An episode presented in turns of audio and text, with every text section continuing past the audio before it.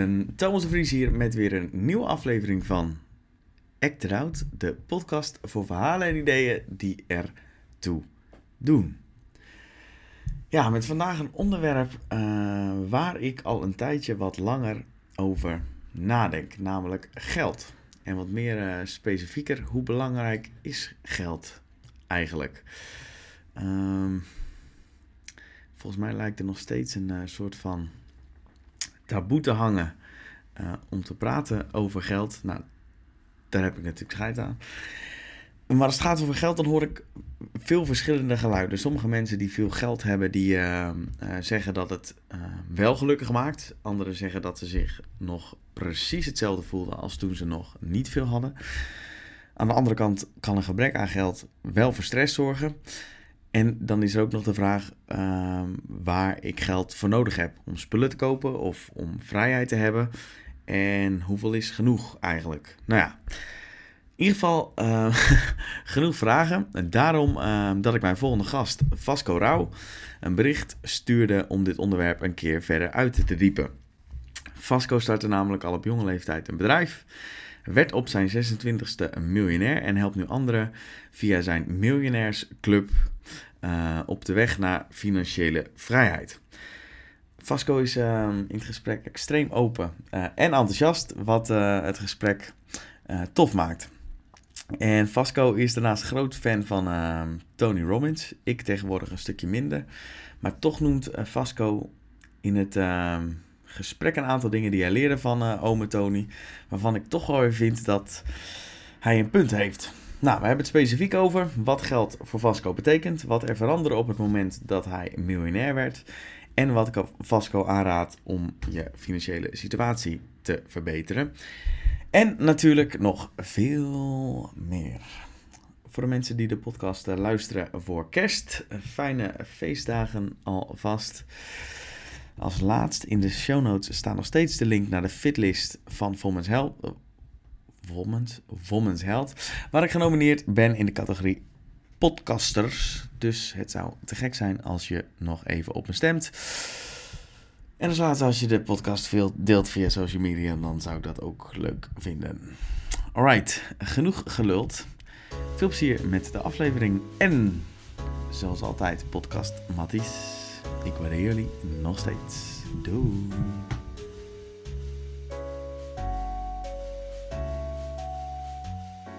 Volgens mij kunnen we beginnen. Yes. Zullen we dan ook maar uh, helemaal beginnen bij het uh, begin? Want volgens mij uh, was jij een jaar of dertien. Je hebt gelijk. Ontdekte je iets wat je, wat je leuk vond, namelijk develop, development. Dus, ja, je hebt gelijk. Ja, je hebt gelijk.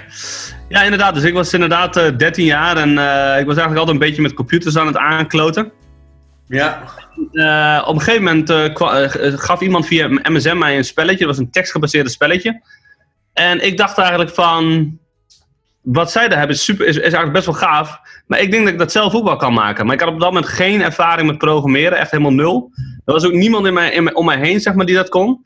Alleen zoals nu eigenlijk ook, was toen de tijd ook zo. Eigenlijk kan je eigenlijk al die jezelf aanleren via, via Google, zeg maar. Dus ik begon heel simpel van, weet je wel, een login script. Nou ja, mhm. met die login script konden mensen in ieder geval een accountje aanmaken en inloggen. Maar daar had je natuurlijk nog geen game. Dus en zo ben ik zeg maar stap voor stap uh, het uit gaan bouwen. En uh, zodoende had ik op mijn, eerste, op mijn dertiende mijn eerste game gecreëerd inderdaad. En dat begon eigenlijk ook al heel snel te groeien. Want die game die ik zeg maar een soort van naam maakte die had zeg maar, uh, iedereen had een persoonlijke link. En dat was bij mij in het game ook zo. Op een gegeven moment uh, had iedereen een persoonlijke link. En als je die dan doorgaf, kreeg, zeg maar, kreeg je extra punten in het spel. Dus wat gebeurde dus? Uh, spelers gingen het massaal zeg maar, doorgeven aan vrienden. En toen die tijd was ik wel een van de eerste. Alleen helaas was ik iets te jong, zeg maar. Want als je achteraf terugkijkt, had ik wel mega, mega veel potentie. Want op een gegeven moment was ik 14 en had ik iets van 100.000 spelers of zo. Alleen ik verdiende er geen geld aan op dat moment. Totdat in één keer de hostingkosten kosten de, de, de lucht in vlogen. Dat mijn ouders zeiden van ja, Vasco, uh, nou wordt het wel een beetje duur voor de hobby. Maar gelukkig in plaats van dat ze zeiden van hé, hey, misschien moet je ermee stoppen, omdat het nu wel uit de hand loopt, dachten ze met, met me mee en dachten ze in oplossingen. En, uh, ja, en toen heb ik uh, zeg maar met de eerste betaalsysteem erin gebouwd. En toen creëerde ik eigenlijk mijn eerste omzet. Hoe werkte dat dan? Mensen Ehm, die moesten betalen voor het spelletje of zo? Of? Nee, ze konden zeg maar gewoon extra punten. Ze hadden dan een, eh, een, eh, een betaalde account, noemen we dat. Daar hadden dus gewoon een extra logootje achter, achter hun naam, zeg maar. En diegenen die dat niet hadden, hadden dat dan niet. En daardoor groeiden ze sneller. Ze konden iets langer onderduiken. Ehm, ze hadden net wat meer mogelijkheden, zeg maar.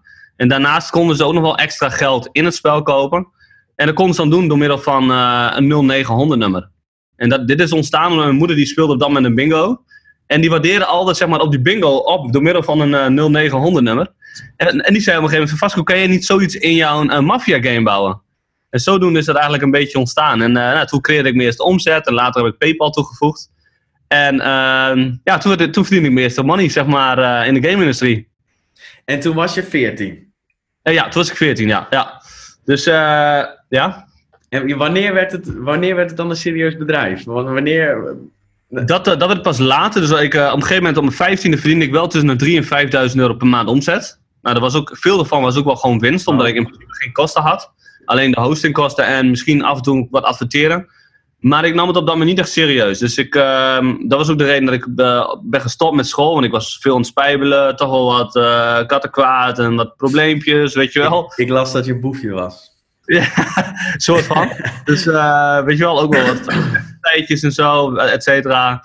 En, maar doordat ik zeg maar 3.000 tot 5.000 euro per maand verdiende, was het wel zo dat ik leerontzegging kreeg van de leerplichtambtenaar. Dus in principe was op mijn vijftiende was zeg maar de laatste dag op school. Dus leerontzegging, als je al geld verdient, dan hoef je op een gegeven moment van de wet niet meer te leren. Of verplicht Nou ja, te zijn. Nou, weet je wat het is? Ik, was, ik had toen drie verschillende scholen gehad, ongeveer. Dus ik was van de eerste, ging naar de andere en toen werd ik weer van die afgetrapt, zeg maar. En toen kwam ik uiteindelijk bij zo'n soort van time-out, noemen ze dat wel. In principe dan ga je eigenlijk gewoon naar school, maar je leert vrij weinig. Ze houden je eigenlijk gewoon een beetje bezig. En uiteindelijk inderdaad heeft de leerplichtambtenaar ervoor gekozen zeg maar, om een leerontzegging te geven. Omdat ik inderdaad eh, tussen de 3.000 en 5.000 euro al verdiende. En eh, zij had waarschijnlijk toch wel het gevoel van, ja, Vasco die, die redt zichzelf wel. En eh, daarom heeft ze er waarschijnlijk voor gekozen om mij leerontzegging te geven. Was, en dat vond ik natuurlijk... Ja? was school niks voor je? Of? Nee, school was niks voor mij eerlijk gezegd. Ik vond wiskunde vond ik leuk. En gym. En dan hield het ook wel op, zeg maar. Dus eh, ja, vandaar dat... eh, en achteraf ja, heb ik de dingen door... Tuurlijk, het is wel zo dat, mijn, dat moet ik eerlijk zijn, mijn taal slecht. Dus eh, alles wat ik typ, laat ik door mijn vriendin en, en door, door een, iemand anders laat ik altijd controleren, zeg maar. Dat is wel een beetje kut. Maar ja, aan de andere kant denk ik van ja, fuck it. En ik had heel veel moeite, zeg maar, toch wel met een soort van public speaking. Omdat ik natuurlijk nooit presentaties op school had gedaan. Ja, die heb je gewoon volledig overgeslagen, die. Die heb ik helemaal overgeslagen. En als ik moest, dan, Ja. dan kwam ik niet, weet je wel.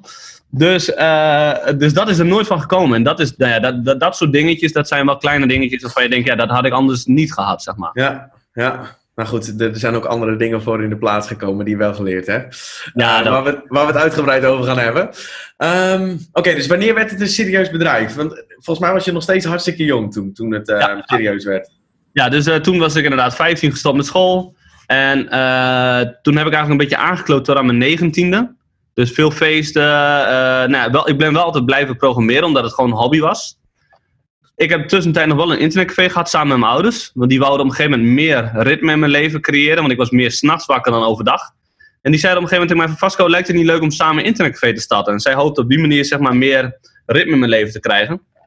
Uiteindelijk Dus in plaats van je huisarrest te geven, dachten ze, nou, laten we een onderneming starten, dan houden we die jongen binnen. Ja, maar uiteindelijk, uiteindelijk hielp het niks, zeg maar. Want eh, die internetcafé ging pas om één uur open. Ja. En, en uiteindelijk zat ik daar gewoon tot zes uur s- s'nachts, zeg maar, met vrienden bier te drinken en te counterstriken, zeg maar. dus het hielp eigenlijk niks. En eh, eigenlijk de, de, de change was een beetje op mijn negentiende, toen werd ik vader van mijn eerste zoontje. En toen dacht ik, oké Vasco, nu moet je serieus doen. En ik had ook zoiets van, ik ga er alles aan doen om mijn zoontje een goede toekomst te bieden. En eh, ja, daar ga, daar ga ik al voor hem. Dat, eh, daar, ga, daar ga ik alles voor geven. Toen heb ik mijn leven eigenlijk helemaal compleet omgeswitcht. Ja. Van veel feesten, zeg maar, naar, naar veel werk eigenlijk. Ja, dat was een vraag die ik ehm, eh, op had geschreven. Ja, je je werd op je negentiende vader, las ik. Wat Ja. veranderde er toen? Maar jij zegt alles dus. Ja, in principe, kijk, ehm, ik, eh, ik vind wel, nou ja, eh, je, je moet je verantwoordelijkheid eh, nemen, zeg maar dan. En eh, je wil natuurlijk het beste voor, voor, je- voor mijn zoontje op dat moment. En eh, daar was ik wel bereid voor om alles voor te geven. Dus dat ik daar letterlijk alles voorop gaf, zeg maar. En ik denk dat dat tegelijkertijd de drive is geweest, zeg maar, om iets te bereiken. Want ik, ga ervan uit, ik, ga er, ik ben ervan overtuigd als iemand zich duizend procent ergens voor geeft. En tegen want ik zei letterlijk tegen mezelf, ik ga er alles aan doen om mijn zoontje een goede toekomst te geven. En niks of niemand houdt mij tegen. En ik ben ervan overtuigd als iemand dat zegt, eh, dan ga je dat bereiken. En nu was het voor mij, zeg maar, de eye-opener, mijn zoontje. Ehm, ik weet niet of ik dat had gehad, zeg maar, als ik niet vader werd op mijn negentiende. Of ik tegen mezelf kon zeggen, zeg maar, vanuit niks. Nu wel, omdat ik, je weet wel, de mindset, bladibladibla. Maar ik weet niet of ik op dat moment dat, zeg maar, had gekund Ja. zonder dat, dat hij eh Silvan werd geboren, zeg maar. Dat weet ik ik hoor dat wel eens. eh, dat, eh, er zijn wel eens mensen die. Nou, er zijn veel mensen die stoeien met ehm, het geven aan betekenis aan hun leven. Ik heb wel eens iemand horen zeggen van ja, moet je een kind nemen, dan, dan, heb, je, dan heb je direct betekenis. wel Nou, dat is bij jou dus ook het geval. Ja, zeker weten. Ja, ja, ja. Ik heb altijd wel gezegd ook dat ik kinderen wilde. En ik heb ook altijd wel gezegd, ook, om, ook toen ik met mijn leven een beetje aanklote, dat ik wel een soort van legacy achter wil houden, laten. Weet je wel? Dat je wel, nadat je dood bent, jezelf nog wel een soort van doorleeft, zeg maar. Of dat nou eh, je kids is, je bloedbaan, maar ook ehm, eh, een, een, een bedrijf of vastgoed empire, wat zeg maar na die tijd nog steeds doorleeft van hetgeen wat jij zelf hebt opgebouwd. Dat vind ik gewoon gaaf. Hmm, cool. Oké, dus was je, ehm, je kind werd geboren, je werd serieus. Wat gebeurde er met je bedrijf? Nou, in het begin had ik nog steeds die Mafia games, zeg maar. Dat eh, ging wel lichtelijk groeien, maar niet super snel. En mijn moeder die speelde op dat moment nog steeds deze, diezelfde online bingo. En die zei tegen mij, op een gegeven moment was ik jaar of 21 en die zei van Vasco, kan jij niet zo'n online bingo maken, weet je wel? Want volgens mij valt daar heel veel geld in te verdienen. En volgens mij had mijn moeder ook echt, echt, echt eh, wat is het, 10 10.000 of 10.000 euro's aan die andere bingo in de afgelopen 10 jaar, zeg maar, eh, besteed. Ja. Dus die wist donders goed dat er veel eh, in te verdienen viel. En ehm, eigenlijk hetzelfde wat ik toen met die game eigenlijk deed, met mijn eerste game. Om, op mijn dertiende, weet je wel, ik had geen ervaring, maar binnen een maand had ik een basisspelletje online. En in, in deze situatie was het exact hetzelfde. Binnen twee weken had ik een werkende online bingo eh, in Flash, terwijl ik geen ervaring had met Flash. Op, op een of andere manier had ik daar toch, zeg maar, ja, aanleg voor, zeg maar. Dus binnen twee weken had ik zo'n bingo online, voor echt geld. En hier had ik dezelfde methode in als bij mijn, bij mijn Mafia game. Iedereen die zeg maar een vriend eh, liet aanmelden bij de bingo, kreeg 5 euro gratis. Dus stel ik gaf mijn link aan jou, dan kreeg ik 5 euro. En maar jij kreeg ook 5 euro echt speelgeld. Ja. Er zijn heel veel bedrijven groot mee geworden hè, met deze methode, omdat het dan viraal kan gaan. Ja, ja, ja. Gelijk. Oh. Mensen zijn er nu wel wat. Het is nu, zijn er niet nu wat minder vatbaar voor, heb ik het gevoel. ja, iedereen doet het, ja. Ja, precies. Het is nou niet meer zo bijzonder, maar toen die tijd wel. Er deden niet heel veel eh, websites, niet heel veel bedrijven. Dus ehm, toen ik dat deed, zeg maar, en ik begon eerst zelf, zeg maar, ik had natuurlijk geen spelers. Dus ik deed mezelf voor als speler op andere bingo-sites. En zei van, ja, ik heb toch een vette nieuwe bingo-website gevonden. Eh, meld je nu aan, dan krijg je 5 euro gratis. En zodoende eh, is het op gang gekomen. Door eigenlijk dat ik zelf een beetje begon te spammen eigenlijk. Het is misschien niet netjes, maar weet je wat het is? Als je iets nieuws begint, moet je in mijn optiek soms, vooral als je weinig kapitaal hebt, of, of weet je wel, dan moet je soms even de grens opzoeken. En eh, ja, dat heb ik eh, regelmatig gedaan, zeg maar. Sorry, wat was de grens opzoeken hiervan? Je spamde mensen, is dat wat je zei? Uh, spamde an- op andere bingo-websites. Dus stel, je had een bingo-website, bijvoorbeeld. Dan Ja. ging ik me voordoen als speler van mijn eigen website. En dan ging ik daar, zeg maar, die chatroom spammen van... Ja, ik heb nou een nieuwe website gevonden, een nieuwe bin- bingo-website. Super gaaf, als je je aanmeldt, krijg je 5 euro gratis. Nou ja, wat doen al die mensen? Die gaan zich natuurlijk daar aanmelden. Want je Ja. krijgt overigens Ja. 5 euro echt geld gratis. Dus dat zodoende... toch het boefje in je, denk ik. Ja, maar ik denk dat het, dat, dat eh, vooral dat je dat in het begin, ik denk dat het, eh, eh, daar kom ik later ook wel op terug, met de games hebben we dat ook eigenlijk gedaan. Cool. Alright. dus toen, eh, toen groeide het. Ja. En ik meen dat je toen op je 26e miljonair werd. Klopt, maar dat was nog niet zeg maar door de bingo, dus bij de Oh. bingo dat ging wel booming, dus ik verdiende toen, toen ik die, toen ik die bingo na twee weken online had, toen, eh, en ongeveer vier maanden later, had ik ongeveer, ik denk tussen de 30 en 40.000 euro winst per maand van de bingo. Ik had ongeveer 80.000 euro omzet, dus de rest werd uitbetaald. eh wat eh, kansspelbelasting, want dat betaalde ik altijd wel trouwens. En de rest was gewoon Dat winst. je wel volgens de regels. Ja, maar dat, dat heb ik ook. dat, weet je ze, ze zeggen ook wel eens met, met, met een wietplantage, toch? Dat zolang je maar je belasting betaalt, loop je veel minder risico. Dus uh, in, mijn optiek was dat hetzelfde met, met kansspelen. Uh, doordat ik gewoon belasting betaalde. Want op een gegeven moment kreeg ik ook de belastingdienst over de vloer. Niet om, over de bingo, maar ik zei wel tegen hen van... Ja, ik had jullie eigenlijk al verwacht. En toen reageerden ze een beetje verbaasd van... Hoe kan je ons nou verwachten? Uh, toen zeiden ze tegen mij, want we hebben een klikbrief gehad van, de buurt, van iemand in de buurt. Want ik had op een gegeven moment, was ik wat ik, 23 of zo, en dan kocht ik mezelf een nieuwe Audi A4. Niet eens een hele grote auto, maar ze dachten wel, ja, zo'n gastje met een internetcafé, hoe kan die nou een auto kopen voor 30.000, weet je wel? Maar ja, aan de andere kant, in mijn optiek was het niet veel, want ik verdiende immers 30.000 per maand. Dus voor mij, in mijn optiek was het nog best wel redelijk, weet je wel? Ja. Maar uh, ja, er werd wel van iemand uit de buurt, zeg maar, een klikbrief gestuurd. En toen heb ik alles verteld. Van, ja, ik dacht dat jullie kwamen omdat ik kansspelen doe. En ik betaal gewoon netjes kansspelbelasting. En ik dacht dat jullie dat even willen controleren. En toen vroeg ik ook aan de belastinginspecteur van, ja, wat zou jullie eigenlijk doen in mijn situatie? En die zeiden eigenlijk letterlijk van, ja, als ik jou was, zou ik lekker doorgaan, weet je wel. Dus uh, uiteindelijk heb ik nog wel een brief van de justitie gekregen dat ik uh, moet stoppen. Alleen er stond specifiek in de .nl domein aan. En ik ben uiteindelijk gewoon verder gaan met .com. Hmm. Wel mijn risico's onderzocht, zeg maar. Maar de risico was uiteindelijk een staakstraf en een geldboete van 10k of zo. Dus uh, dan zou ook iedereen doorgaan, weet je wel. Dus daar ben ik mee doorgegaan.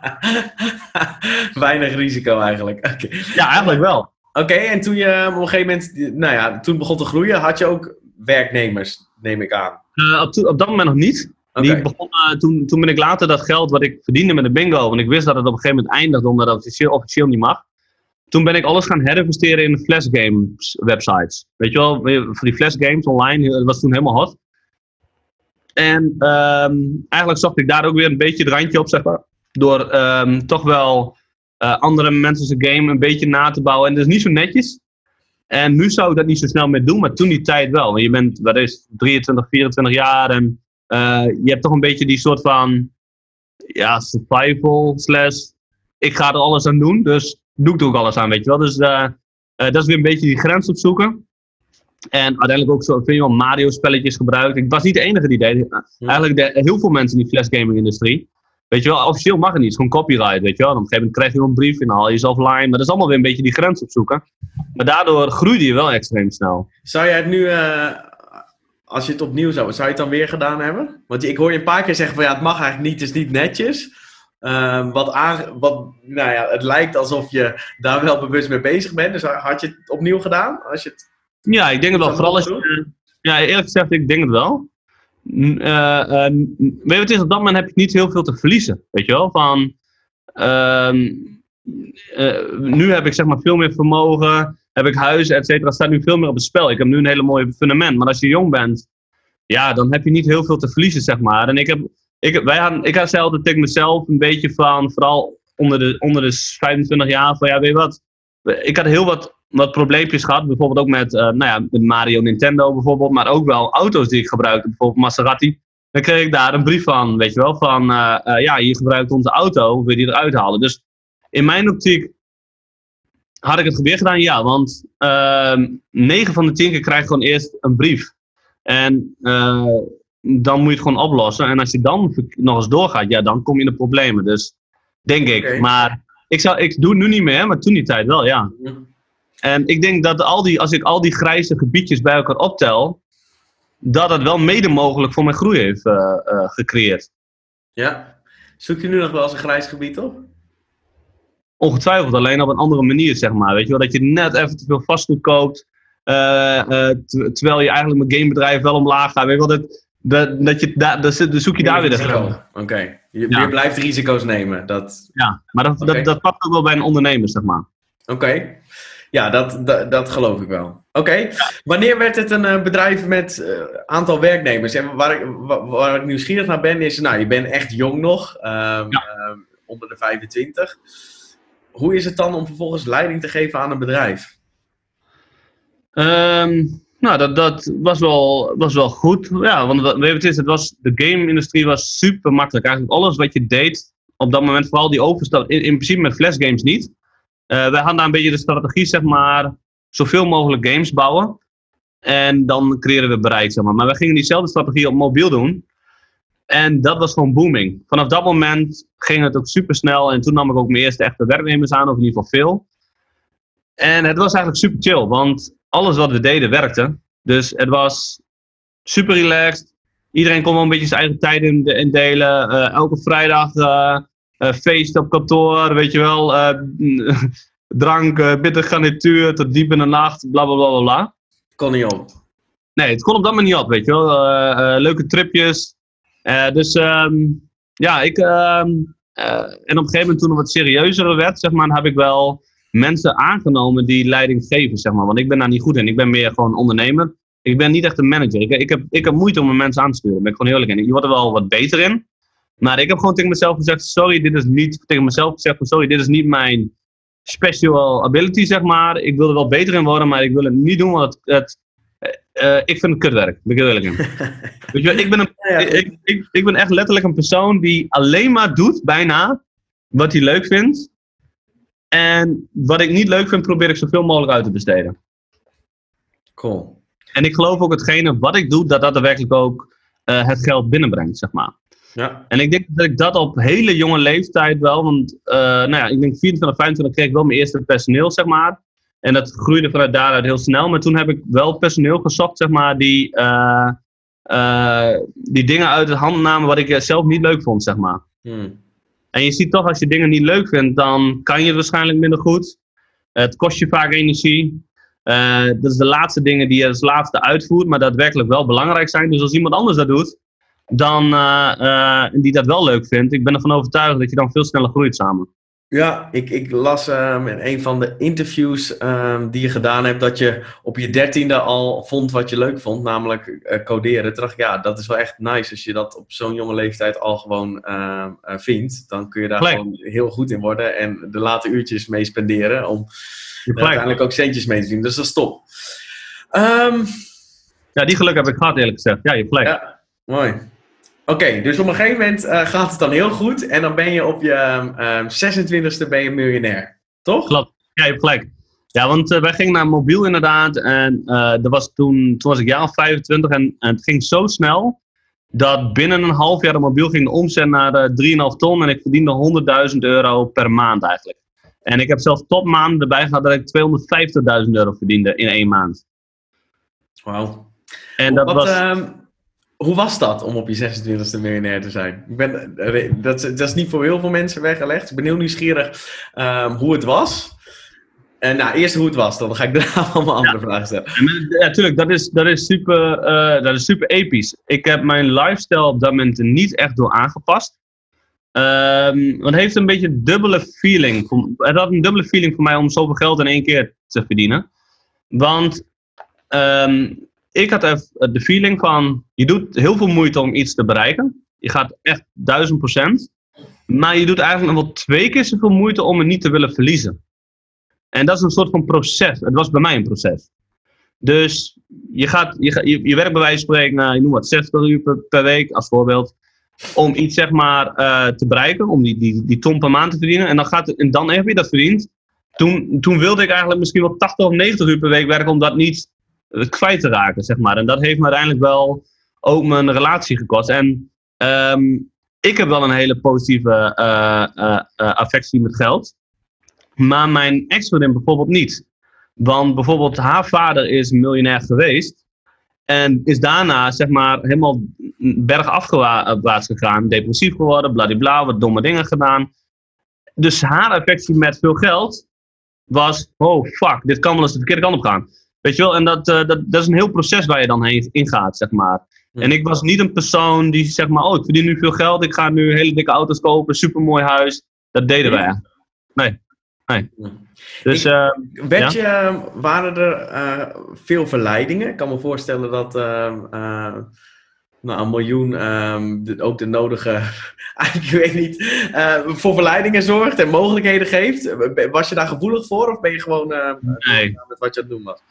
Nee, dat was, dat was voor mij niet verleidelijk. Ik, um, ik denk dat ik zeg maar onbewust en bewust, trouwens, een combinatie van, mezelf een mindset of een, een, een strategie had aange, aangeleerd om alles wat ik binnenkreeg te herinvesteren. En dat gebeurde eigenlijk al vanuit de bingo. Dus met de bingo werd het natuurlijk al heel snel duidelijk, wat ik nu doe mag niet. Dus dit kan wel eens op gaan houden. Maar om iets anders te creëren, moet ik dat geld van de bingo herinvesteren in iets anders. Toen investeerde ik dat in de flashgaming industrie. Alleen, ik kwam er al heel snel achter dat ik in de fles in, in gaming-industrie stapte, terwijl het een dalende markt was. Ik, ik stapte in te- op het moment dat het switchte van flashgames naar mobiel, zeg maar. Oké. Dus ik dacht ik hetzelfde van shit, ik zit nu weer in een markt wat gewoon wel eens weer kan aflopen. En toen uiteindelijk, ging, toen ik in, mobiel veel ge- ge- geld eh, eh, verdiende, ging dat zeg maar, die twee stappen denk ik in combinatie met, met boeken zoals eh, Think and Go Rich en Rich Dad Poor Dad. Ik denk dat dat in combinatie ervoor heeft gezorgd dat ik ervoor heb gekozen zeg maar, om bijna al het geld wat ik verdiende te, te, te investeren in vastgoed. Cool. Cool. Denk ik. Alright. En- En, en daarom, kijk, natuurlijk, je, je, je, je levensstandaard gaat wel wat omhoog. Maar ik heb ervoor gekozen om bijna alles te herinvesteren. En, en, en dan later, zeg maar, wat, wat luxe te leven. ja. En dus daarom heb ik in mijn optiek geen eh, verleidingen gehad, zeg maar, in die trend.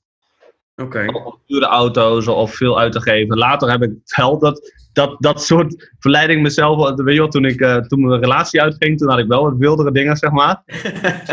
ja, dat kan ik me voorstellen. Oké. Ehm, waar ik wel nieuwsgierig naar ben. Ik hoor je nu al zeggen van, nou, je begon met ehm, ehm, eh, games maken. Toen ging je naar de bingo. Toen naar Flash. ehm game mobiel, industrie. Toen naar vastgoed. Ik weet ook nog dat je inmiddels, of ik weet dat je inmiddels ook andere dingen doet. Als je zeg maar iets nieuws, ehm, als je ergens aan iets nieuws begint, wat je vaak doet. Hoe, Ja, pak je dat, hoe pak je dat aan? Eh, gewoon doen, eigenlijk. Dat is, ik zeg letterlijk tegen iedereen van Vasco, ja, hoe moet je, wat zou je doen als je, zou, als je begint met ondernemen? Heel simpel, fucking do it. Weet je wel? Als je Ja. kijkt op mijn dertiende bij mijn eerste game, ik stap gewoon Google op van hoe, hoe, hoe en download een login script, weet je wel? Ehm, met vastgoed, ja, gewoon doen. Plan die bezichtiging en koop het gewoon aan. Kijk, voor mijn gevoel is het gewoon van doen. Je, gaat, je, je zoekt een rolmodel op diegene die het al gedaan heeft. In mijn op mijn dertiende was dat een spel die al bestond. Weet je wel? Eh, eh, bij de bingo was het een bingo die al bestond. Bij vastgoed was dat mijn vader die al vastgoed had. Eh, en zo in elke, alles wat ik doe, zeg maar, zijn er al mensen die dat al gedaan hebben. En ik denk bij mezelf, wat zij hebben gedaan, kan ik ook. En waarschijnlijk kan ik het nog beter, want ik kan het nog op mijn eigen manier en op mijn eigen input, zeg maar, eh, een feeling aangeven. Ik zeg niet van kopiëren, maar ik zeg alleen van neem een rolmodel. Dat kan een persoon zijn, dat kan een product zijn, een website, eh, een, een idee. En dan heb ik zoiets van, en dan ga je er gewoon elke dag, dag in, dag uit mee bezig. En niet alleen mee bezig, maar ook zorgen dat je in ieder geval minimaal een half uur tot een uur daarover gaat leren. Dus weet je wel, eh, lees iets van deze rolmodel, maar lees iets over wat je gaat doen als je wil programmeren. Nou ja, dan ga je dus iets, iets eh, dan ga je elke dag minimaal een uur leren programmeren, bij wijze van spreken. Maar heb je, dat, heb je dat ook gedaan? Of is het heb je dat je elke dag een uur eraan spendeerde? Of is het advies wat je een andere geeft? Nou, wat, wat, weet je wat het is? Als ik zeg maar iets nieuws start, ben ik obsessed. Dan, eh, en dat is mijn nadeel. Daarvoor heb ik ook echt andere mensen om me heen nodig. En daardoor heb ik ook, het heeft me ook heel veel geld gekost. Want als ik ergens aan begin, laat ik alles om me heen vallen. Echt letterlijk alles om me heen. Maakt niet uit of ik andere projecten heb. Daarom heb ik zeg maar in eh, twee jaar tijd, laten we zeggen, plus min 100 panden gekocht. Omdat ik alleen maar fucking panden aankopen was. ik was helemaal niet bewust. Dat is Je mijn nadeel. alle huizen behalve die van jezelf. Ja, en eh, op dat moment- werd het gamebedrijf gerund door, door andere mensen, niet meer door mezelf. Oké. Dus eh, nu bijvoorbeeld ben ik heel erg bezig met de Millionaires Club. En ben ik eerlijk gezegd iets minder aan huizen kopen. Omdat als ik ergens aan begin, dan ga ik er duizend procent voor. Dus ik ga gelijk beginnen. Ik eh, zoek iemand die het al gedaan heeft. Of iemand waar ik, waar ik wat van kan leren. Mhm. Eh, ik zorg dat ik in ieder geval minimaal een half uur per dag zeg maar beter word. Mijn skills beter worden. Ja, en dan gewoon gaan, gaan, gaan, duizend procent. En dan in mijn optiek is het niks anders dan luisteren naar je klant en geven wat ze willen. Ja, dat is de... En, en ik denk als je dat zeg maar dag in dag uit doet, dan is de vraag of je na een maand of na een jaar of na drie jaar succes behaalt. Uiteindelijk haal je freaking succes. Hmm. Want iemand die niet stopt en elke dag beter wordt, gaat op een gegeven moment succes behalen. Ja, maar eh, eventjes terug naar die... eh, de- je zegt aan de ene kant je bent obsessed. En eh, de, de- het rijtje dat je nu zegt is dat je iedere dag een uur... eh, Minimaal. moet, maar jij deed, als je obsessed bent, dan doe je alle je uren eraan spenderen, toch? Ja, maar- Ja, maar wat ik eigenlijk een beetje bedoel is, zeg maar. kijk, maar dat is een goed voorbeeld. Ehm, stel je bent, eh, ehm, stel je, bent je, wil, je wil een autobedrijf starten. Dan ga je natuurlijk op 6000% om die autobedrijf, eh, auto's te, te, te repareren. Maar wat mensen dan vaak niet doen is om minimaal een half uur ook nog eens, of een uur, te gaan lezen en leren over hoe je beter een auto kan repareren. Hm. Dus wat ik eigenlijk bedoel te zeggen is, je gaat wel, laten we zeggen, 10 uur, 12 uur, weet ik veel uur per dag je maar wil, of 8 gewoon, maakt niet uit. Ga je Ja. wel bezig met je business, maar ze vergeten vaak, zeg maar, om daadwerkelijk een uur in te plannen om er beter in te worden. Ja, de strategie. Dus beter strategisch gezien. Ja, ja oké. Ja, oké. Logisch. Ja, mooi. Dus doordat jij, zeg maar, door, ehm, nou ja, inderdaad, strategie, eh, hoe kan ik nog sneller en nog beter deze auto repareren, eh et cetera, et cetera. Dus de, de, de- dat, bedoel ik, eigenlijk- dat bedoel ik eigenlijk met die uur, zeg maar. Ja, En naast natuurlijk wel 7, 8 uur ehm, gewoon eh, ja, doen, gewoon hard aan de bak. Ja. Ehm, waar Dus dit- naartoe? Eh, dus even een goede samenvatting inderdaad. Doen, inderdaad in mijn optiek. minimaal een uur zeg maar leren om er beter in te worden. Strategie. nou, inderdaad, eh eh, eh, role models. En luisteren naar je klanten, geven wat ze willen. mhm. Oké. Ik denk dat hier kom je al heel ver. Oké. Je zei net dat je ehm obsessief bent als je ergens een nieuw aan begint en dat dat niet altijd goed was. Mhm. Pak je dat inmiddels anders aan of ehm, kun je het niet helpen en blijf je obsessed? En neem, Ja. neem je voor lief wat de nadelige gevolgen zijn? Ja, eerlijk gezegd, kijk, ik ben er wel wat bewuster van. Dus daarom probeer ik wel, zeg maar, hetgene wat ik dan laat vallen, dat het misschien opgepakt wordt door iemand anders, zeg maar. Of dat ik er wat, ja, want ik, ik kan gewoon niet eh, mezelf, eh, nee. Nee. Je hebt absoluut geaccepteerd dat je obsessed wordt. Ja, maar ik denk dat, eh, kijk, weet je, ik geloof er ook in dat dat, mm, dat dat ervoor zorgt dat ik slaag in bepaalde producten. Ik, denk, ik geloof erin dat dat er heeft ge- gedaan dat, dat de bingo werkte, dat de mobiele games werkten, dat vastgoed werkte en dat, dat nu daardoor de Millionaires Club gaat werken. Want op dit moment ben ik alleen maar bezig met de Millionaires Club. Ja, gaan we het zo over hebben, wat dat eh, precies is. dat snap ik. Ehm, ik las ook dat je inmiddels ehm, financieel onafhankelijk bent. Dan- Wat, wat volgens mij inhoudt dat je niet meer hoeft te werken. Alleen maar Oh. kan doen wat. Nou ja, Ja. dat je niet hoeft te werken. Punt. Mijn vraag is: wat betekent dat voor jou? Financieel onafhankelijk zijn. Ja, dat is voor mij. ehm, eh, kijk, ze zeggen wel eens dat dat voor iedereen verschillend is. De, de, eh, eh, voor mij is dat zeg maar vrijheid. En financieel onafhankelijk of financiële vrijheid. Ja, het, sommige mensen die zien het als twee verschillende termen. Maakt er niet uit. Voor mij betekent dat in ieder geval vrijheid. Dat ik de dingen kan doen die ik leuk vind. En met wie ik dat wil, wanneer ik dat wil, et cetera. En dat je eigenlijk geen zorgen hoeft te maken om geld. En in mijn optiek is dit alleen zo als je het geld goed belegd en goed hebt verspreid. En eh, dat je niet afhankelijk bent van één inkomenbron. Dus er zijn wel eens mensen die komen naar mij toe, die hebben bijvoorbeeld een, een, een, dropshipping business. En die zeggen van ik ben financieel vrij. In mijn optiek niet. Want ze halen misschien wel 5 of 10.000 euro per maand. Alleen eh, als Bob failliet gaat, zijn ze de lul. ja, of als ze even niet de juiste product hebben of niet meer bij zijn. Ze hebben gewoon een business. En die business heeft gelukkig weinig tijd, neemt hij in beslag. Maar in mijn optiek ben je niet financieel vrij. Snap je wat ik bedoel? Dus in mijn optiek is dat, eh, ja, voor mij voelt dat gewoon als vrijheid, zeg maar. Dus ik heb vastgoed. Ja, en, maar is financiële vrijheid dan meerdere inkomensbronnen en genoeg inkomsten om niet te hoeven werken? Of? In mijn optiek wel. Oké, oké, oké. Dus in, in mijn optiek betekent dat, zeg maar, in mijn situatie dat ik vastgoed heb. Ik heb nog mijn gamebedrijf. Ik heb eh, eh, aandelen. Ik heb wat geld geleend aan derden, zeg maar, waarvan ik rente en aflossing krijg. Eh, ik heb wat in cryptocurrency. En alles daalt of groeit.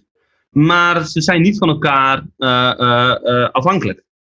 Betekent dan financiële onafhankelijkheid voor jou niet meer werken? Of dat, is dat het voor jou niet? Nee, ik heb, nee, dat eerlijk gezegd niet. Het is meer dat je geen geld eh, ehm, zorgen hebt en dat je doet wat je leuk vindt. En dat je eigenlijk niet wordt gedwongen om. eh, eh, ja, mijn vriendin die, eh, die haalt even onze dochter op. oh ja, ik zie het in het verhaal. Nee, Ah, doei. nee dus dat, dat betekent dat voor mij eigenlijk, denk ik. En ik, ik, ehm, en ik ben ervan overtuigd dat iedereen dat kan bereiken uiteindelijk, zeg maar.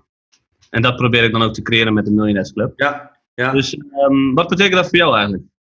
Ehm, nou, dat is een goede vraag. En, eh, ehm, ik doe deze hele podca eh, podcast eigenlijk om een soort van antwoord op de vraag te krijgen: wat is een goed leven? Ja. Ehm, en ik weet dat geld daar een rol in speelt. Uh, dat kan niet anders. En ik weet ook dat het een belangrijke rol is, maar ik weet nog niet zo goed hoe belangrijk. Ik weet, wat, wat ik wel weet is dat geldzorgen uh, vervelend zijn. Ik ja, ja. heb um, drie jaar lang um, als ondernemer gewerkt, uh, waarin ik gewoon zeker aan het begin echt heel erg op mijn centjes moest letten. Dat, ja, geeft, dat geeft zorgen mee, die, dat is niet relaxed gewoon. Nee. Dus dat weet ik wel. Geldzorgen maakt uh, het leven een stuk stressvoller. Maar hoe, nu heb ik een, een, een, een, hartstikke leuke baan met een prima salaris. Um, heb ik niet zo heel veel wensen. Dus ik ben in die zin, ja, heb ik ook niet zoveel nodig wat mij betreft. Mm -hmm. um, maar ik heb ook ergens nog wel het idee dat veel geld verdienen toch uh, leuk is. Ook omdat het een soort van winnen. Het is ook een beetje een spel. Nou, volgens mij heb jij dat ook wel. Uh, vandaar dat ik ook zo geïnteresseerd ben in wat geld voor jou betekent. Dus mijn vraag aan jou, uh, om hem terug te geven. Wat betekent geld voor jou? En uh, wat is de rol van geld binnen het hebben van een goed leven?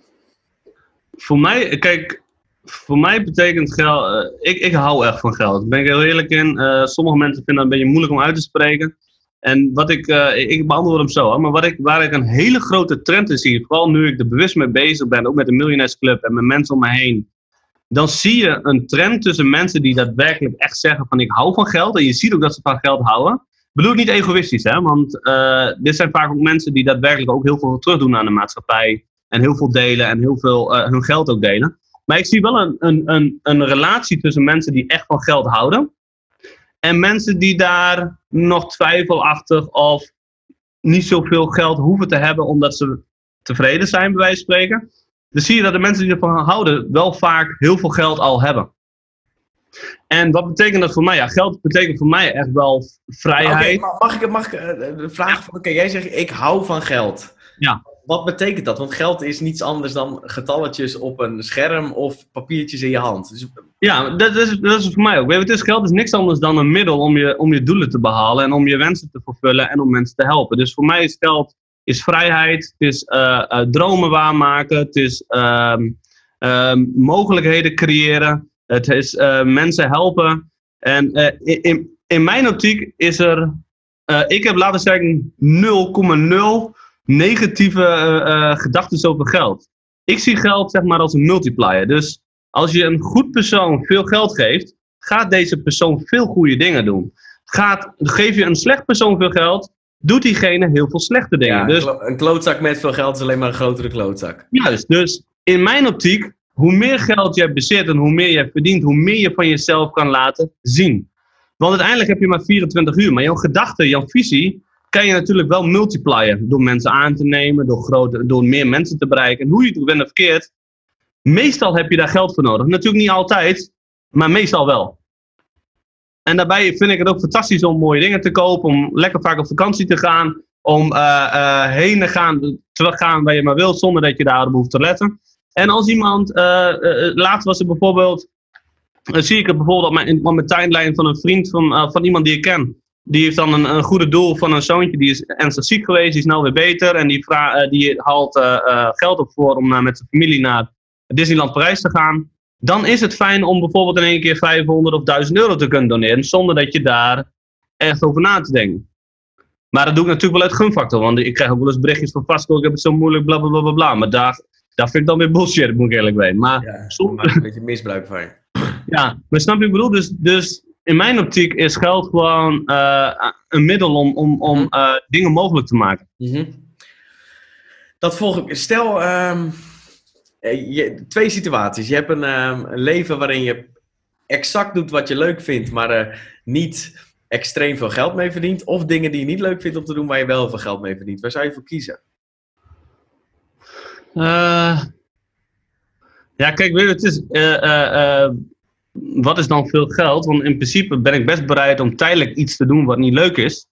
Om later te kunnen doen wat wel leuk is. Want als je veel geld verdient en je gaat dat goed beleggen ja, dan uh, uh, in mijn optiek ben je uiteindelijk dan, kan je alsnog doen wat je leuk vindt. Alleen heb je dan wel alsnog veel geld. Ja. maar want ik, kijk, want, uh, wat, wat men, um, heel veel mensen, of heel veel mensen, er zijn ook mensen die zeggen van, um, um, ik noem maar wat. er ging bijvoorbeeld, laatst had ik met iemand een, een gesprek en die zei van, hadden we het over auto's en hij zei van, ik hoef geen mooie auto, want ik word geluk van, gelukkig van uh, iets meer te kunnen geven aan mijn gezin. En ik zeg dan, waarom kan niet allebei? Waarom moet er altijd gekozen worden? Het is niet één of dat, het kan allebei. We, we zitten in een, in een tijdperk dat alles mogelijk is. Snap je? Ik bedoel dus, waarom hebben wij, of hebben sommige mensen de, de, de, de limited belief dat je moet kiezen tussen twee dingen? Terwijl allebei mogelijk is. Ja, goed punt. Ja, zeker. Snap je ik bedoel? Dus uh, in mijn optiek is, is beide mogelijk. En natuurlijk moet je daar soms uh, even, even klote werk voor uitvoeren. Dat heb ik ook wel gemoeten. Alleen gelukkig nu wat minder. Ja. Of bijna niet. nou ja, en ik, ik ben het er wel mee eens dat het dus een soort van illusie is dat werk altijd maar leuk moet zijn. Er zit gewoon ook gewoon hele, wat minder Tuurlijk. in al het werk dat je doet. Of je nou, nou ja, altijd zitten er minder leuke aspecten aan. Gelijk. En ik hoorde je net ook zeggen van ja, ik hoor vaak mensen zeggen van ik hoef niet veel geld en ik uh, heb niet zoveel nodig. Maar dat zijn nooit de mensen die uh, uh, het hebben of zo, hoorde ik je zeggen. Niet vaak, nee. Niet vaak, want uh, um, ik, was, ik was ook ooit een keer bij een Tony Robbins event. Om even te laten zien wat zeg maar een, een, een, affectie of een gedachte over geld met je doet, zeg maar. En mijn ex-vriendin is daar ook een goed voorbeeld van. Er was een mevrouw die zat in de zaal, zeg maar, en dat ging ook over geld. En uh, nou, Tony vroeg, zeg maar, wat betekent geld voor jou? En toen zei die vrouw van, uh, ja, vrijheid, de standaard dingen. Maar Tony keek er doorheen. Die zei van, wat betekent geld echt voor jou? Als je echt, echt gewoon daarna, dan kijkt, wat voel je dan? En, het laat, en, en uh, want haar vraag was, van, ja, hoe, kan het, hoe kan het dat ik, zeg maar, ik verdien hartstikke veel geld, maar toch hou ik geen geld over en heb ik moeite met om geld te behouden? En uiteindelijk wat er dus uitkwam, deze mevrouw was in haar jongere jaren was zij verhandeld. Uh, zeg maar, dus ze was een jong meisje en was verkocht. Maar zij heeft zeg maar die negatieve ervaring heeft zij gekoppeld aan geld. En uiteindelijk vroeg Tony natuurlijk van ja, heeft de mensen dat gedaan of heeft geld dat gedaan? En et cetera, et cetera, et cetera. Dus doordat je zelf al zegt zeg maar van ja, ik heb niet zoveel geld nodig. Ik vind het nu allemaal wel goed dan is de kans groot dat jij niet heel veel geld gaat verdienen in je leven. Want je zegt eigenlijk, je hebt al een affectie met geld dat je niet zoveel nodig hebt. Dus hoe kan jij er nou voor zorgen dat je veel geld behoudt? Of veel geld gaat verdienen met deze uh, relatie met geld? Mhm. Maar als je tegen jezelf zegt van ik hou van geld. En geld gaat mijn dromen waarmaken. Met geld ga ik mensen helpen. Geld geeft me mogelijkheden. Uh, geld is niks anders dan een middel om, om, om, om meer van mezelf te laten zien hey, fuck die shit, kom hier met die geld en ik laat zien dat ik de wereld een betere plek maak, weet je wel? Mm-hmm. Dat is anders dan dat je zegt van ik heb genoeg en ik... Uh... Ik vind het een interessant punt. Volgens mij bedoel je ook te zeggen dat als mensen zeggen ik heb niet zoveel nodig, kan het ook een excuus zijn om voor het niet najagen van iemands dromen. Dat je jezelf een beetje klein houdt. Ja, zeker. Ik hoor toch ook, ik hoor toch ook um, heel vaak, um, als ik dan van die succesvolle mensen hoor of zie, um, die dan heel veel geld hebben verdiend, dat ze zichzelf exact hetzelfde voelden als toen ze nog niet veel geld hadden. Alleen hadden ze niet meer de reis en het avontuur om het bereiken, om dat, zeg maar de, de, te bereiken dat ze veel geld verdienden. Um, hoe, hoe kijk je daar tegenaan dan? Ja, ik denk dat ik, dat ik ook wel exact hetzelfde voelde, ja, wel. Eerlijk gezegd. Ja, het is. Um, of exact hetzelfde, want ik denk dat het een proces is, zeg maar. Het is een, uh, uiteindelijk is het, zeg maar, ja, een avontuur, zeg maar. Dus ik denk wel, kijk, ik denk wel om meer te verdienen, moet je een betere versie van jezelf worden. Want uiteindelijk is het wel zo, zeg maar, denk ik, niet altijd, maar laten we zeggen 80% van de keren, is hetgene wat jij, zeg maar, toevoegt aan de mensen, aan de mensheid, zeg maar, weerspiegelt een beetje aan jouw inkomsten. Dus als je meer mensen helpt met een probleem. Ja, het is de maatstaf voor hoeveel waarde je levert aan de maatschappij. Ja, ja. ja, ja oké. Ja, dat volg ik wel. Ja, dus ja, tuurlijk, je voelde wel hetzelfde, dezelfde mate van geluk. Maar ik weet niet, als je zeg maar terug in de tijd gaat, van, laten we zeggen, nu met deze gedachten, met deze ervaring, met deze dingen. En je gaat dan terug in de tijd, ik weet niet of je dan, ja, met dezelfde mindset wel weer. Maar ja, snap je wat ik bedoel? Dus je voelt je wel hetzelfde, maar misschien ben je wel op een hogere level op dit moment. Ja. Ben je trots erop uh, het geld dat je verdiend hebt of de dingen of de persoon die je geworden bent door uh, uh, die het mogelijk heeft gemaakt om dat te kunnen verdienen? Ja, zeker de persoon. Hmm. En ik, ben ook, ik ben ook van overtuigd, zeg maar, van als je, als iemand, je hoort ook wel eens heel, of je, je hoort ook wel eens van, van mensen die hebben miljoenen bereikt en die, die, die gaan failliet. En die moeten weer opnieuw beginnen. En dat ze uiteindelijk nog een keer een miljoenenbedrijf starten. Dus ik geloof ook wel, stel ik zou nu alles kwijtraken, dat ik in staat ben om in ieder geval weer iets op te bouwen wat miljoenen gaat verdienen. Want uh, wat, wat er in mijn hoofd zit, wat ik de afgelopen jaren tijd, energie en geld in heb gestoken, heeft een waarde. En die waarde kan ik omzetten in geld. Ja. In principe. Dus ja. Uh, ja. 100%. Interessant. ja. ja, serieus. Uh, Oké. Okay. Um, ik hoor. Um, in alles hoor ik um, ome, ome Tony Robbins hoor ik terug in, in wat je zegt. en ik weet ook dat je naar zijn seminars toe gaat. Ja, uh, gelijk.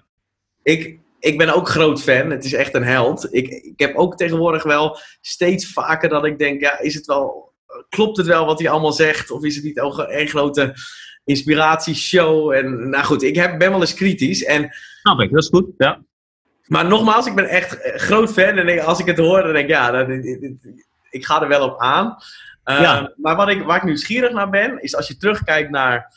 Volgens mij was je al redelijk succesvol voordat je uh, de Tony Robbins seminars uh, bezocht. Juist. Wat is er veranderd sinds je naar zijn seminars toe bent geweest? En, en mijn tweede vraag is: denk je dat je ook hetzelfde niveau van succes had behaald zonder naar die seminars toe uh, uh, gegaan te zijn? Mhm. Nou, kijk, um, ik ben bij Tony gekomen toen mijn, mijn vorige relatie uitging. Toen dat mijn, want ik, ik verdiende op dat moment een miljoen per jaar. Um, uh, en, en mijn relatie ging uit. Ik dacht, ja, fuck. Zakelijk gaat supergoed, privé gaat kut. Ik had overgewicht, gezondheid was niet, was niet wat het moest zijn, zeg maar. En toen begon ik inderdaad online te luisteren. Toen kom je, kom je al heel snel bij Tony uit. Daar kun je niet omheen. Nee, dus um, ja, ik, uh, het heeft mij, zeg maar, want ik, ik, ik, ben dan ook wel naar, weet ik veel, tien events geweest of zo, of negen of acht, ik weet het niet exact. En ik, volgend jaar ga ik wel heel veel bezoeken. Um, ook vanwege de Millionaires Club trouwens. Maar ik ben sowieso ben ik blij dat ik dat gedaan heb. Want ik weet zeker dat mijn mindset echt keer vijf of keer tien is gegaan door dat hele proces. Dus wat, je gaat wat betekent dat dan? Ja, kijk, je, je, je gaat wel naar een. Uh, ja, wat het mindset voor mij betekent, zeg maar, is dat eigenlijk wat er ook gebeurt, zeg maar, om je heen, dat je zelf bepaalt. En natuurlijk lukt dat niet altijd, eerlijk is eerlijk. Maar het lukt nu in ieder geval vaker dan daarvoor. Maar in ieder geval, dus wat er ook om je heen gebeurt, dat je zelf de baas bent over wat je voelt. En uh, uh, ja, of je nou geluk of, of, of, of of verdrietig of, of uh, gefrustreerd. Da dat heb ik zeg maar veel meer onder um, uh, controle. En buiten alle zakelijke dingen, wat je inzichten. Want je, je, krijgt gewoon een, een, spoedcursus, zeg maar. Uh, ondernemen, beleggen, investeren, financiële inzichten. Maar gewoon, dat je, gewoon het feit dat je um, daar veel bewuster mee bezig bent geweest. En dat je dat zeg maar continu aan het trainen bent. Onder andere door middel van die seminars. Ja. ja, kan ik wel zeggen dat uh, uh, mijn leven een stuk uh, veel, veel beter is geworden door, door deze events. En dat was waarschijnlijk zonder die events niet gebeurd. Zijn er ook de andere gebieden in je leven die ook belangrijk zijn? Zijn die ook veranderd door het bezoeken van al die seminars en bezig zijn met persoonlijke ontwikkeling? je bedoelt bijvoorbeeld relatie, gezondheid, ja. dat soort dingen? Ja, ja zeker. Het is, is een totaalplaatje. En dat, dat, dat gebeurt ook. En daarvoor, dat is ook leuk aan Tony's event, vind ik persoonlijk. Want je hebt uh, Date with Destiny, weet je wel, waar je relatie, maar ook je uh, leven, je gezondheid, zeg maar, aanpakt. Maar je hebt Business Mastery, zeg maar, die uh, over je business gaat. En dan heb je de Finance event, die gaat alleen maar over investeren.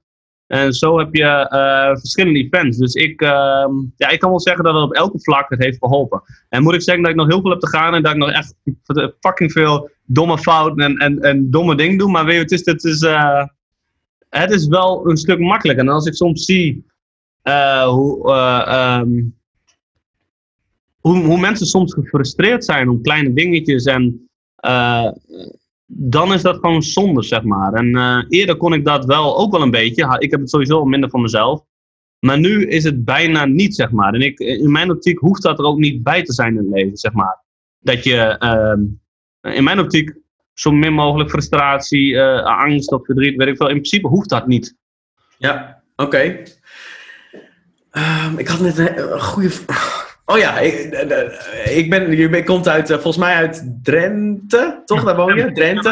Nou, volgens mij, die mensen worden wel uh, uh, gekenmerkt door nuchterheid. Toen je daar de eerste keer op zo'n seminar was en iedereen was aan het dansen en aan het springen, was het niet ongemakkelijk voor je of deed je gelijk mee? Nee, ik dacht wel, fuck, what the fuck is dit? maar ik was wel... Kan ik me voorstellen. Ik was wel overtuigd van Tony, maar ik dacht wel van, ah oh shit. Hey. Toen dat de eerste keer dacht, dacht ik van, hé hey jongens, uh, ik moet even naar het toilet. Ik ben er zo terug. Weet je wel, met al dat omhelzen en zo, en springen en dansen. Dus uh, nee, dat was wel, uh, vond ik wel even um, onwennig. Ja, ja, ja. ja. Heel erg. Oké. Okay, um... Dus ik snap het ook wel, hè, dat heel veel mensen, weet je wel, ja, secte, bladibladibla. Ik snap dat heel goed dat mensen dat kunnen denken, ja. Ja, nee, ik, maar nogmaals, ik ben een groot fan. Ik heb ook echt alles gezien en gelezen. Ja, ja. Ah, uh, ik vraag me af. Ik werd er ook wel gestrest van en onrustig van. Dat constant bezig zijn met wat er met je doelen en wat er, um, um, wat er moet zijn in plaats van wat er op dit moment is. Dat kan soms ook wel, in ieder geval voor mij, was dat niet altijd handig. Zeg maar. Nee, maar dat, dat uh, vooral de laatste, denk ik, wat je zegt, is dat, uh, dat je inderdaad, dat is ook een leerproces, dat het ook inderdaad om nu gaat, weet je wel. Dat het, uh, ook met doelstellingen, van dat, het een, dat, het, dat de juiste weg ernaartoe leuk is, want het doel zelf niet. Want dat duurt maar vijf minuten, tien minuten of een uur of, of, of, of, een week, bij wijze van spreken. Ja. Dus als je inderdaad voor dat moment gaat, ja, dat is kut. maar inderdaad, als je meer. En dat, dat uh, maakt Tony in die events ook wel heel bewust van dat het proces ernaartoe juist mooi moet zijn. Dus dat als je iets overwint of dat, er iets, dat je dichter bij je doel bent, ja, vier dat uh, en, en weet je wel, wees bewust van dat proces. En dan ben je wel echt bezig met heden, zeg maar. Ja, ja daar, ben ik, mee, daar ben ik mee eens. En dat, het gaat tegenwoordig een, stukje, een stuk beter bij mij. Wat zijn de belangrijkste dingen die je je kinderen meegeeft? Mijn belangrijkste dingen voor de kids vind ik in ieder geval de mindset. Dus uh, uh, hoe ze in het leven staan. Uh, toch ook wel voor elkaar klaarstaan, mensen helpen. maar ook inderdaad de, de, money mindset, maar ook hoe ze hun geld beleggen. Dus mijn kids die, die beleggen al 20% van wat ze krijgen. Of het nou verjaardaggeld is, rapportgeld. Ga ik ook dit. Ja, toch, ja, of klusjes zeg maar. Maar ik heb gezegd van nou, minimaal 10%. Ze hebben zelf gekozen voor 20%. En dat doen ze na anderhalf jaar en het gaat nog steeds moeizaam. Ik moet ze nog steeds zeg maar, in van motiveren. Ik wil ze niet dwingen. Maar ik probeer ze natuurlijk wel mega te motiveren om dat te doen. En dat gaat uh, redelijk. En dat is gewoon een langer proces, maar dat, uh, dat hoort er wel bij. Maar het is vooral, ik denk het belangrijkste is, is, de mindset, zeg maar. En dat probeer ik vooral mijn oudste zoontje uh, van 12. Van, weet je wel, dat bijvoorbeeld, ik noem wat, dat laatst was er een juf, die was, die was nieuw en die was kattig tegen iedereen, dus ook tegen hem. En dan kreeg hij straf en dan voelde hij zich een beetje ondaan van in de auto, een beetje afstandig. En ik zei tegen hem, ik weet niet meer exact wat ik zei, maar laten we zeggen in, in een soort meer kinderlijke taal, maar het kwam erop neer van, dat ik tegen hem zeg van ja, Silvan, jij geeft op dit moment wel, zeg maar, uh, uh, um, de macht aan, aan de juf dat, dat over jouw gevoel. Want uiteindelijk ben je dezelfde baas over hoe je je voelt. En nu uh, zitten wij in de auto en we hadden ook gewoon gezellig. En weet je wel, ik ben altijd een beetje hoer met muziek en af en toe een beetje leuk schreeuwen, positief schreeuwen, zeg maar. Weet je wel, van dan zeg ik dat. Niet tegen hem. denk ik dat een gekke papa, weet je wel, dat soort shit. En, um, maar door, doordat er wat is gebeurd is op school, laat hij zich nu zeg maar belemmeren. Terwijl er al achterwege is, je kan er niks meer aan veranderen. Dus ik probeer hem dan wel duidelijk te maken van. Um, ja, jij, jij, jou, jouw gevoel uh, laat je nu bepalen door de juf. Terwijl je zelf de baas bent over je gevoel. En dat is toch echt wel daadwerkelijk die mindset uh, dingetje. En dan, als ik er zeg maar met hem over praat, natuurlijk niet zeg maar wat hij moet doen, maar door middel van vragen stellen, doordat hij zelf die bewustwording creëert, hmm. merk je wel dat het helpt. Dus de, de, dag, de dag daarna was er nog steeds die juf een beetje knorrig. En er was wel een kleine verschil. En daar gaat het mee om, zeg maar. Dat, dat mijn kids er bewust van zijn dat zij de baas zijn over hun gevoel. Want er zal altijd wat in je leven gebeuren waar je niet blij van wordt, waar je niet achter staat, wat je, of door jezelf maak je fuck uit. Maar hoe fantastisch is het als, als er zeg maar, iemand anders het flikt, dat jij je gewoon goed voelt. Want waarom zou je fucking kut voelen? Want wat, wat, wat, wat, wat, wat maakt dat de situatie beter? Ja, nee. Sterker nog, denk je dat je daardoor betere keuzes maakt? Ik denk het niet. Dus daar wil ik ze gewoon heel erg bewust van maken. En dat is voor mij natuurlijk een proces geweest in de afgelopen drie jaar op al die Tony-events, et cetera. Maar dat maakt het alleen wel een stuk makkelijker. In mijn optiek. Ben ik het 100% mee. er is geen spel tussen te krijgen. nee, maar dat, dat, dat vind ik gewoon heel belangrijk voor de kids. Weet je wel, die mindset vooral. Van uh, ja, hoe ze naar het leven kijken. Altijd klaarstaan voor andere mensen. Uh, behulpzaam, maar ook inderdaad gewoon ja, baas zijn over jezelf en over je gevoel. En, en dat geeft ze daardoor ook zelfvertrouwen. Ja. Mooi. De Miljonairsclub um, is volgens mij een, um, een nieuw project, um, of een nieuwer project van je. als ik het samenvat, is het een membership waar mensen zich voor aan kunnen melden. Die, nou ja, ik weet niet per se of het alleen mensen zijn die miljonair willen worden, maar in ieder geval hun, sowieso hun financiële situatie te verbeteren. Wat leer je ze? Ik heb op de, de, de website gekeken en eh, dat zag er leuk uit. Vooral ook het bijhouden van financiën en daarvoor investeren en over nadenken is ook een thema waar ik de het afgelopen jaar veel mee bezig ben geweest. Ik heb dat, um, um, wat mij betreft, redelijk op orde nu. Dat geeft ook een goed gevoel. Dus ik ben nieuwsgierig, wat, wat leer je ze? Ja, kijk, um, uh, inderdaad, ik, ik, probeer ze, zeg maar, uh, ik probeer, ten eerste, het is zeg maar een soort van community lifestyle, weet je wel? Waar mensen elkaar helpen in die besloten Facebookgroep. En daarnaast inderdaad uh, maak ik een cursus maar uh, waarvan ik mensen bewust wil, wil, maken, zeg maar. Maar wat vaak mensen doen is, zeg maar, als ze, um, stel ze hebben een eigen bedrijf en ze maken winst, dan investeren ze vaak alles weer terug in deze, dezelfde bedrijf. Of, of, ze, of, of ze beleggen in, in, in, in vastgoed omdat dat vertrouwd voelt. En wat zo'n beste investeerder van de wereld ook zegt, één keer in je leven gaat een beleggingsgroep met 50 tot 70 procent dalen.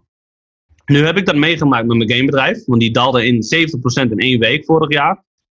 Je hebt het meegemaakt op de beurs, je hebt het meegemaakt met vastgoed. Dus ongetwijfeld gaat het ook een keer met je business gebeuren. En ik probeer ze daarvan te behoeden. Dat zal vroegtijdig beginnen zeg maar, met het verspreiden van hun vermogen. Ook al is dat 10 of 20% van hun, hun winst, eigenlijk wat ik tegen mijn kids ook zeg, of van hun inkomen. Om zo zeg maar over 20 of 10 of 30, afhankelijk van hoeveel je verdient en hoeveel je bereid bent te investeren, financieel onafhankelijk te worden. En daar, heb je dus dan, daar hoort een heel proces bij. Dus dat betekent dat je begint met uh, je, je vermogen uit te rekenen. Nou, waarom is het belangrijk om je vermogen uit te rekenen? Nou, dat vertel ik ze dan. Uh, doelstellingen maken, want het is heel belangrijk. Ja, al die uren wat ik in mijn bedrijf steek of in mijn, in mijn baan. Waarvoor doe ik het eigenlijk? Weet je wel? En als jij een goede reden hebt waarvoor jij iets wilt doen, ben je bereid om veel meer op te geven en duizend procent harder te gaan. En daarna is het van ja, de strategie, zeg maar. Van hoeveel, uh, waarom moet ik 10% opzij zetten en wat gebeurt er dan? Weet je wel, met die compounding interest. Hun te laten zien van de kracht, wat, wat tijd en geld met elkaar doen. Daar de kracht van, weet je wel. Want als je, als je geld genoeg tijd geeft, dan wordt het uiteindelijk gewoon mega veel geld. Ja, als er een rendement, rendement aan gekoppeld is. Anders juist, ja, ja, dat staat niet. Nee, dat wordt het niet. Dat wordt het niet juist. Dus als er inderdaad uh, genoeg rendementen aan gekoppeld is, dan wordt het gewoon uiteindelijk veel geld. En, dan, uh, en, nu ben ik, uh, op dit moment ben ik in het traject zeg maar, waar ik vertel van hoe ze hun eerste vastgoedobject aan kunnen kopen. En daarna ga ik ze uitleggen van nou, hoe kan je je, je eerste aandelen kopen. Vooral ETF's dan, weet je wel, van die indexfondsen. Ja. En zo um, behandel ik het, zeg maar. En daarna, als dit is voldaan, dan wil ik bijvoorbeeld mindset toepassen. Wat ik zeg maar in de afgelopen drie jaar op Tony Events, zijn, Tony Events heb geleerd. wil ik zeg maar mijn eigen versie van maken.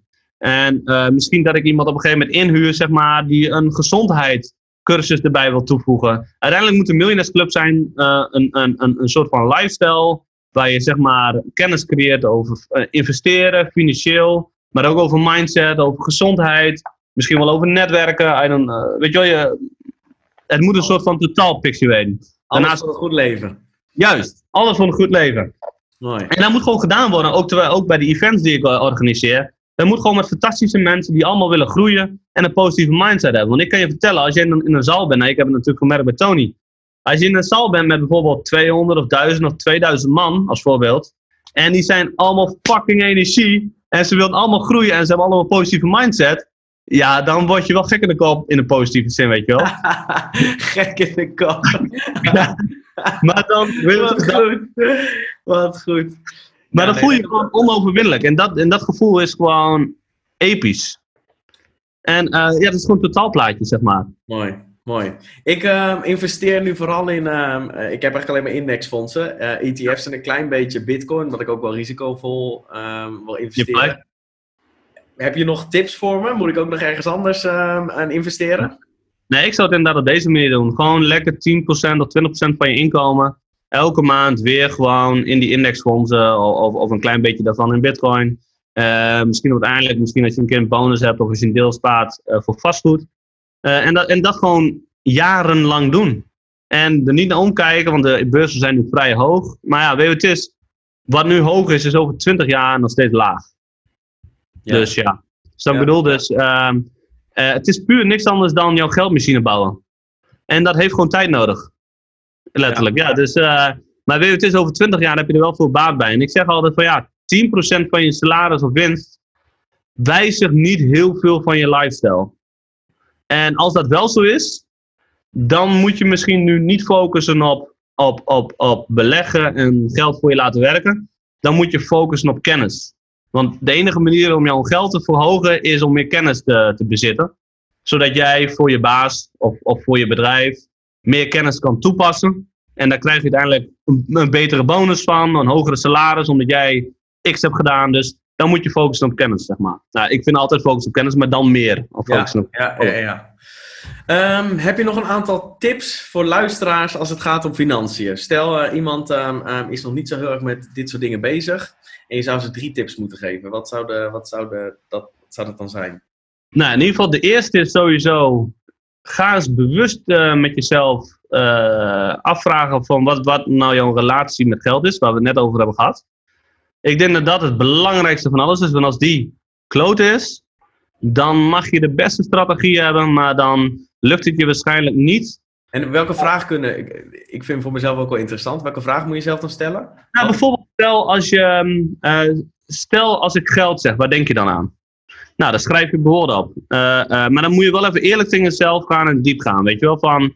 eh, betekent dat vrijheid, maar dat kan bijvoorbeeld ook problemen. Bijvoorbeeld, wat ik ook wel eens hoor, is van... Als ik, eh, als, als, eh, als ik tegen mensen zeg van, ja, wat betekent geld voor jou? En dan, sommige mensen zeggen bijvoorbeeld, ja, problemen. En dan vraag ik waarom? Ja, als je veel geld hebt, krijg je ook veel problemen. Nou, sorry hoor, ik heb meer geld gekregen, mijn problemen worden alleen maar minder. Dus het is maar net hoe je het ziet, zeg maar. Weet je wel? Of mensen zeggen, of, of wat ook een goede is om te kijken, wat zeiden vroeger de mensen om jou heen over geld? Bijvoorbeeld, eh er kan zijn dat mensen zeggen, ja, eh, money is the root of all evil, weet je wel? Eh, of eh, geld groeit niet aan de boom. Eh, eh, eh, rijke mensen zijn eh, eh, arrogant of egoïstisch. Maar dit zijn allemaal zaadjes in je hoofd die ervoor zorgen dat jij waarschijnlijk niet veel geld wil verdienen. Want jij wil immers niet arrogant zijn. Dus jij wil niet veel geld verdienen, want anders ben je arrogant in andere mensen ook. Dat wil je niet. Snap je? Dus zo kunnen er allemaal zaadjes geplant zijn, vroeger of, of nu nog steeds, of, of, of mensen om je heen nog steeds, die daar zeg maar eh, ervoor kunnen zorgen dat, je, dat, dat het weerhoudt, waardoor jij zeg maar een eh, financieel vrij wordt of, of, of een, ehm, een vermogen opbouwt. Dus inderdaad, wat betekent geld voor jou en wat zeiden de mensen vroeger om jou heen over geld? Hm, Oké, dus dat is één één tip die je zou geven. En nog andere dingen? Eh, de tweede is inderdaad minimaal 10% van je salaris of, eh, of winst eh, beleggen. Gewoon wat, je, wat jij eigenlijk de, de- doet. Indexfondsen, misschien af en toe een klein beetje risico, maar vooral risicoloos. Maar inderdaad, wil je een klein beetje risico, is heus niet erg. Vooral als je jong bent, alleen maar goed. Eh, je wordt een. Daar, weet jij genoeg van. ja, toch? Ja. Heerlijk. Dus eh, ehm, ik denk dat dat eh, eh, heel belangrijk is. En, en wat gewoon stap 1 is, is van. Ga gewoon. Dus, dus je, je mindset, eh 10% minimaal. En dan reken elke maand je vermogen uit. Want om te weten waar je naartoe mo- wil, moet je eerst weten waar je staat. En daarbij moet je gewoon weten wat er speelt. En als je weet, om te weten wat er speelt, moet je gewoon elke maand je vermogen uitrekenen. Ja. Je moet weten van waar is iets gedaald, waar is iets gegroeid, waar is het geld naartoe gegaan. Om ervan te leren om dat volgende maand beter te doen. En er zijn wel eens mensen die komen bij de accountants, zeg maar. Kijk, ik heb vorig jaar een, dikke daling gehad, maar ik wist exact wat er speelde. Ik, ik reken het zelf in hoofdlijnen uit. En mijn eh, financieel eh, adviseur rekent het elke maand uit wat de, wat, wat de uitgaven, en eh, eh, uitgaven en inkomsten zijn geweest. Kijk, er zijn ook mensen die, die, die komen dan bij de accountants één keer per jaar. En dan valt het toch wel een beetje tegen. Terwijl zij het gevoel hebben dat het best wel goed gaat. Daar hoor je echt fucking vaak. En dat komt omdat ze het één keer per jaar uitrekenen. Het is heel simpel. Als je het elke maand uitrekent, heb je hoogstens een keer een kans op een slechte maand. Reken je het elk kwartaal uit, heb je kans op een slecht kwartaal. Ja. Reken je elke jaar uit, heb je kans op een slecht jaar. Dus reken het fucking elke maand uit. Ja. ja, nee, ja, ik, ik, ben- ik, volledig mee eens. Ik, ik doe het nu ook een jaar en dat is top, gewoon. Ja, Ja, nee, maar ook, ook, je, Ja, heel gek. Het creëert rust, controle. En ook al, het kost maar 10 minuten eigenlijk. Of, of eh, het wordt er steeds meer als het goed is, omdat je steeds meer eh, eh, beleggingsgroepen hebt. Maar dat is alleen maar goed. Maar dan wordt het ook leuker. Dan zul je ook zien, dan wordt het een hobby. En dan eh, ga je het ook echt leuk vinden. En, en, ehm, ja, en zo zie, ik, zo zie ik geld ook. Het, het is, uiteindelijk is het ook gewoon een, een, een soort van ehm high scoren. Weet je wel? Ik zie geld ook als een high scorer. Maar ja, hoe ver kan je komen? Ik bedoel, eh, ja. Ja, ik, dat volg ik wel. Nee, Ik las in een van je interviews dat je zei van ja, ik het is ook een spel van winnen.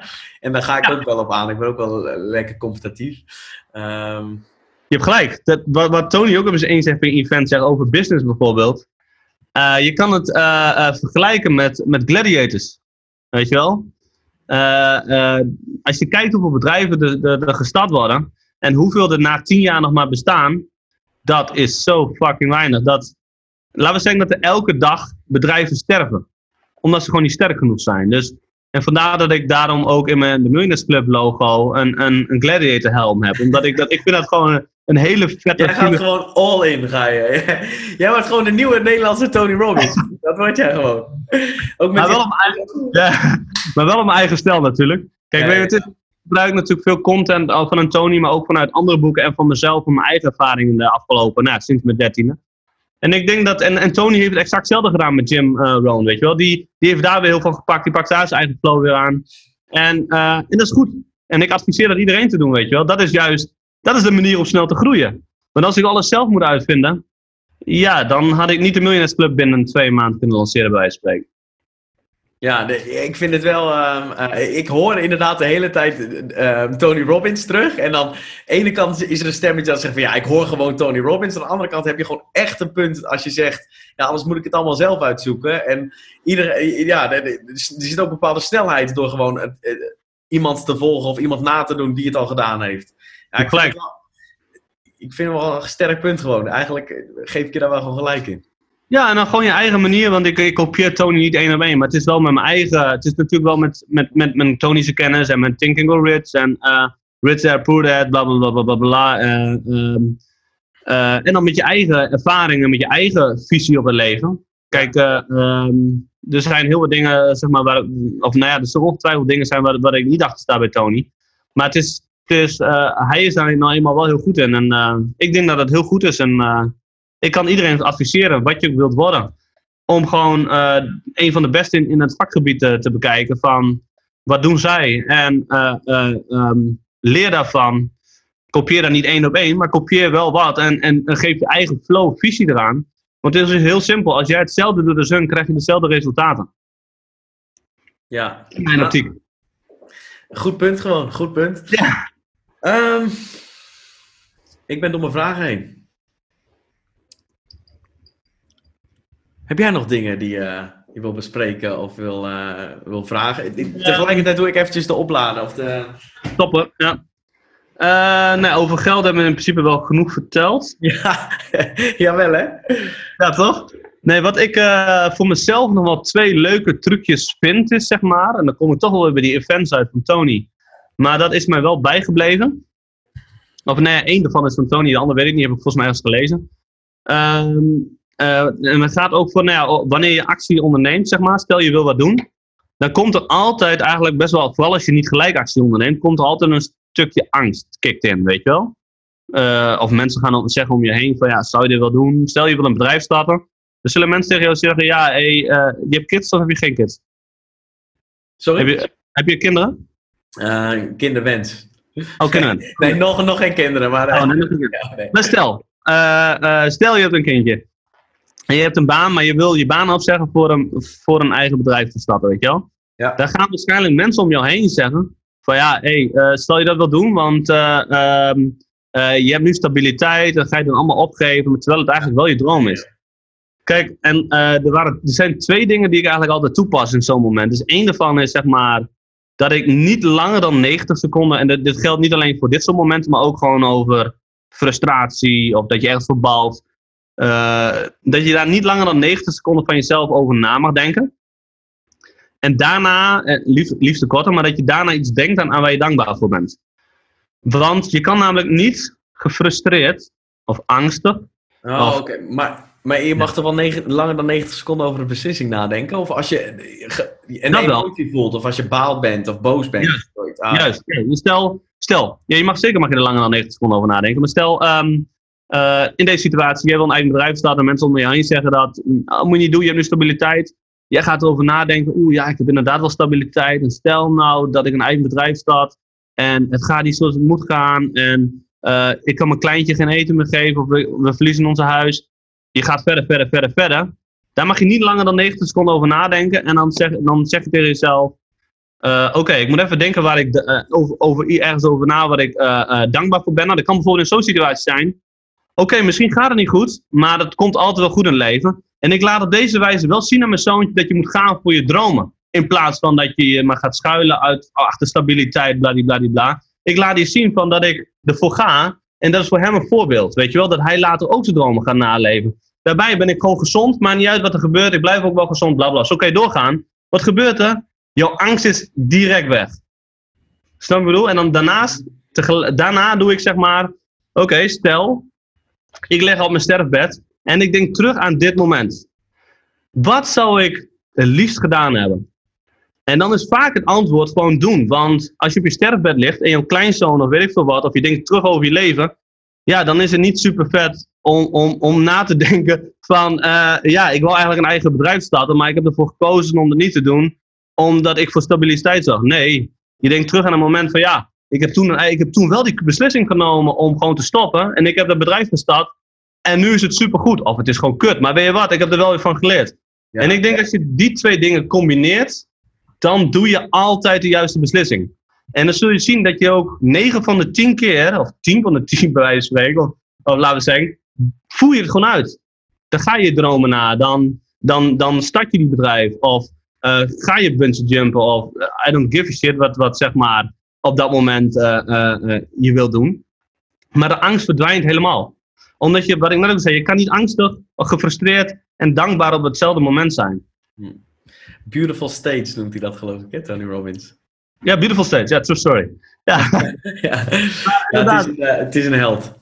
Ja, nee, dus de, de 90 seconden regel was inderdaad, die had Tony verteld over die friend en die, dat terugblikken had ik een boek over gelezen, ik weet zo het boek niet meer. Maar dat, dat vond ik, dat, die twee dingen, methodes gebruik ik sindsdien ja. en het werkt gewoon.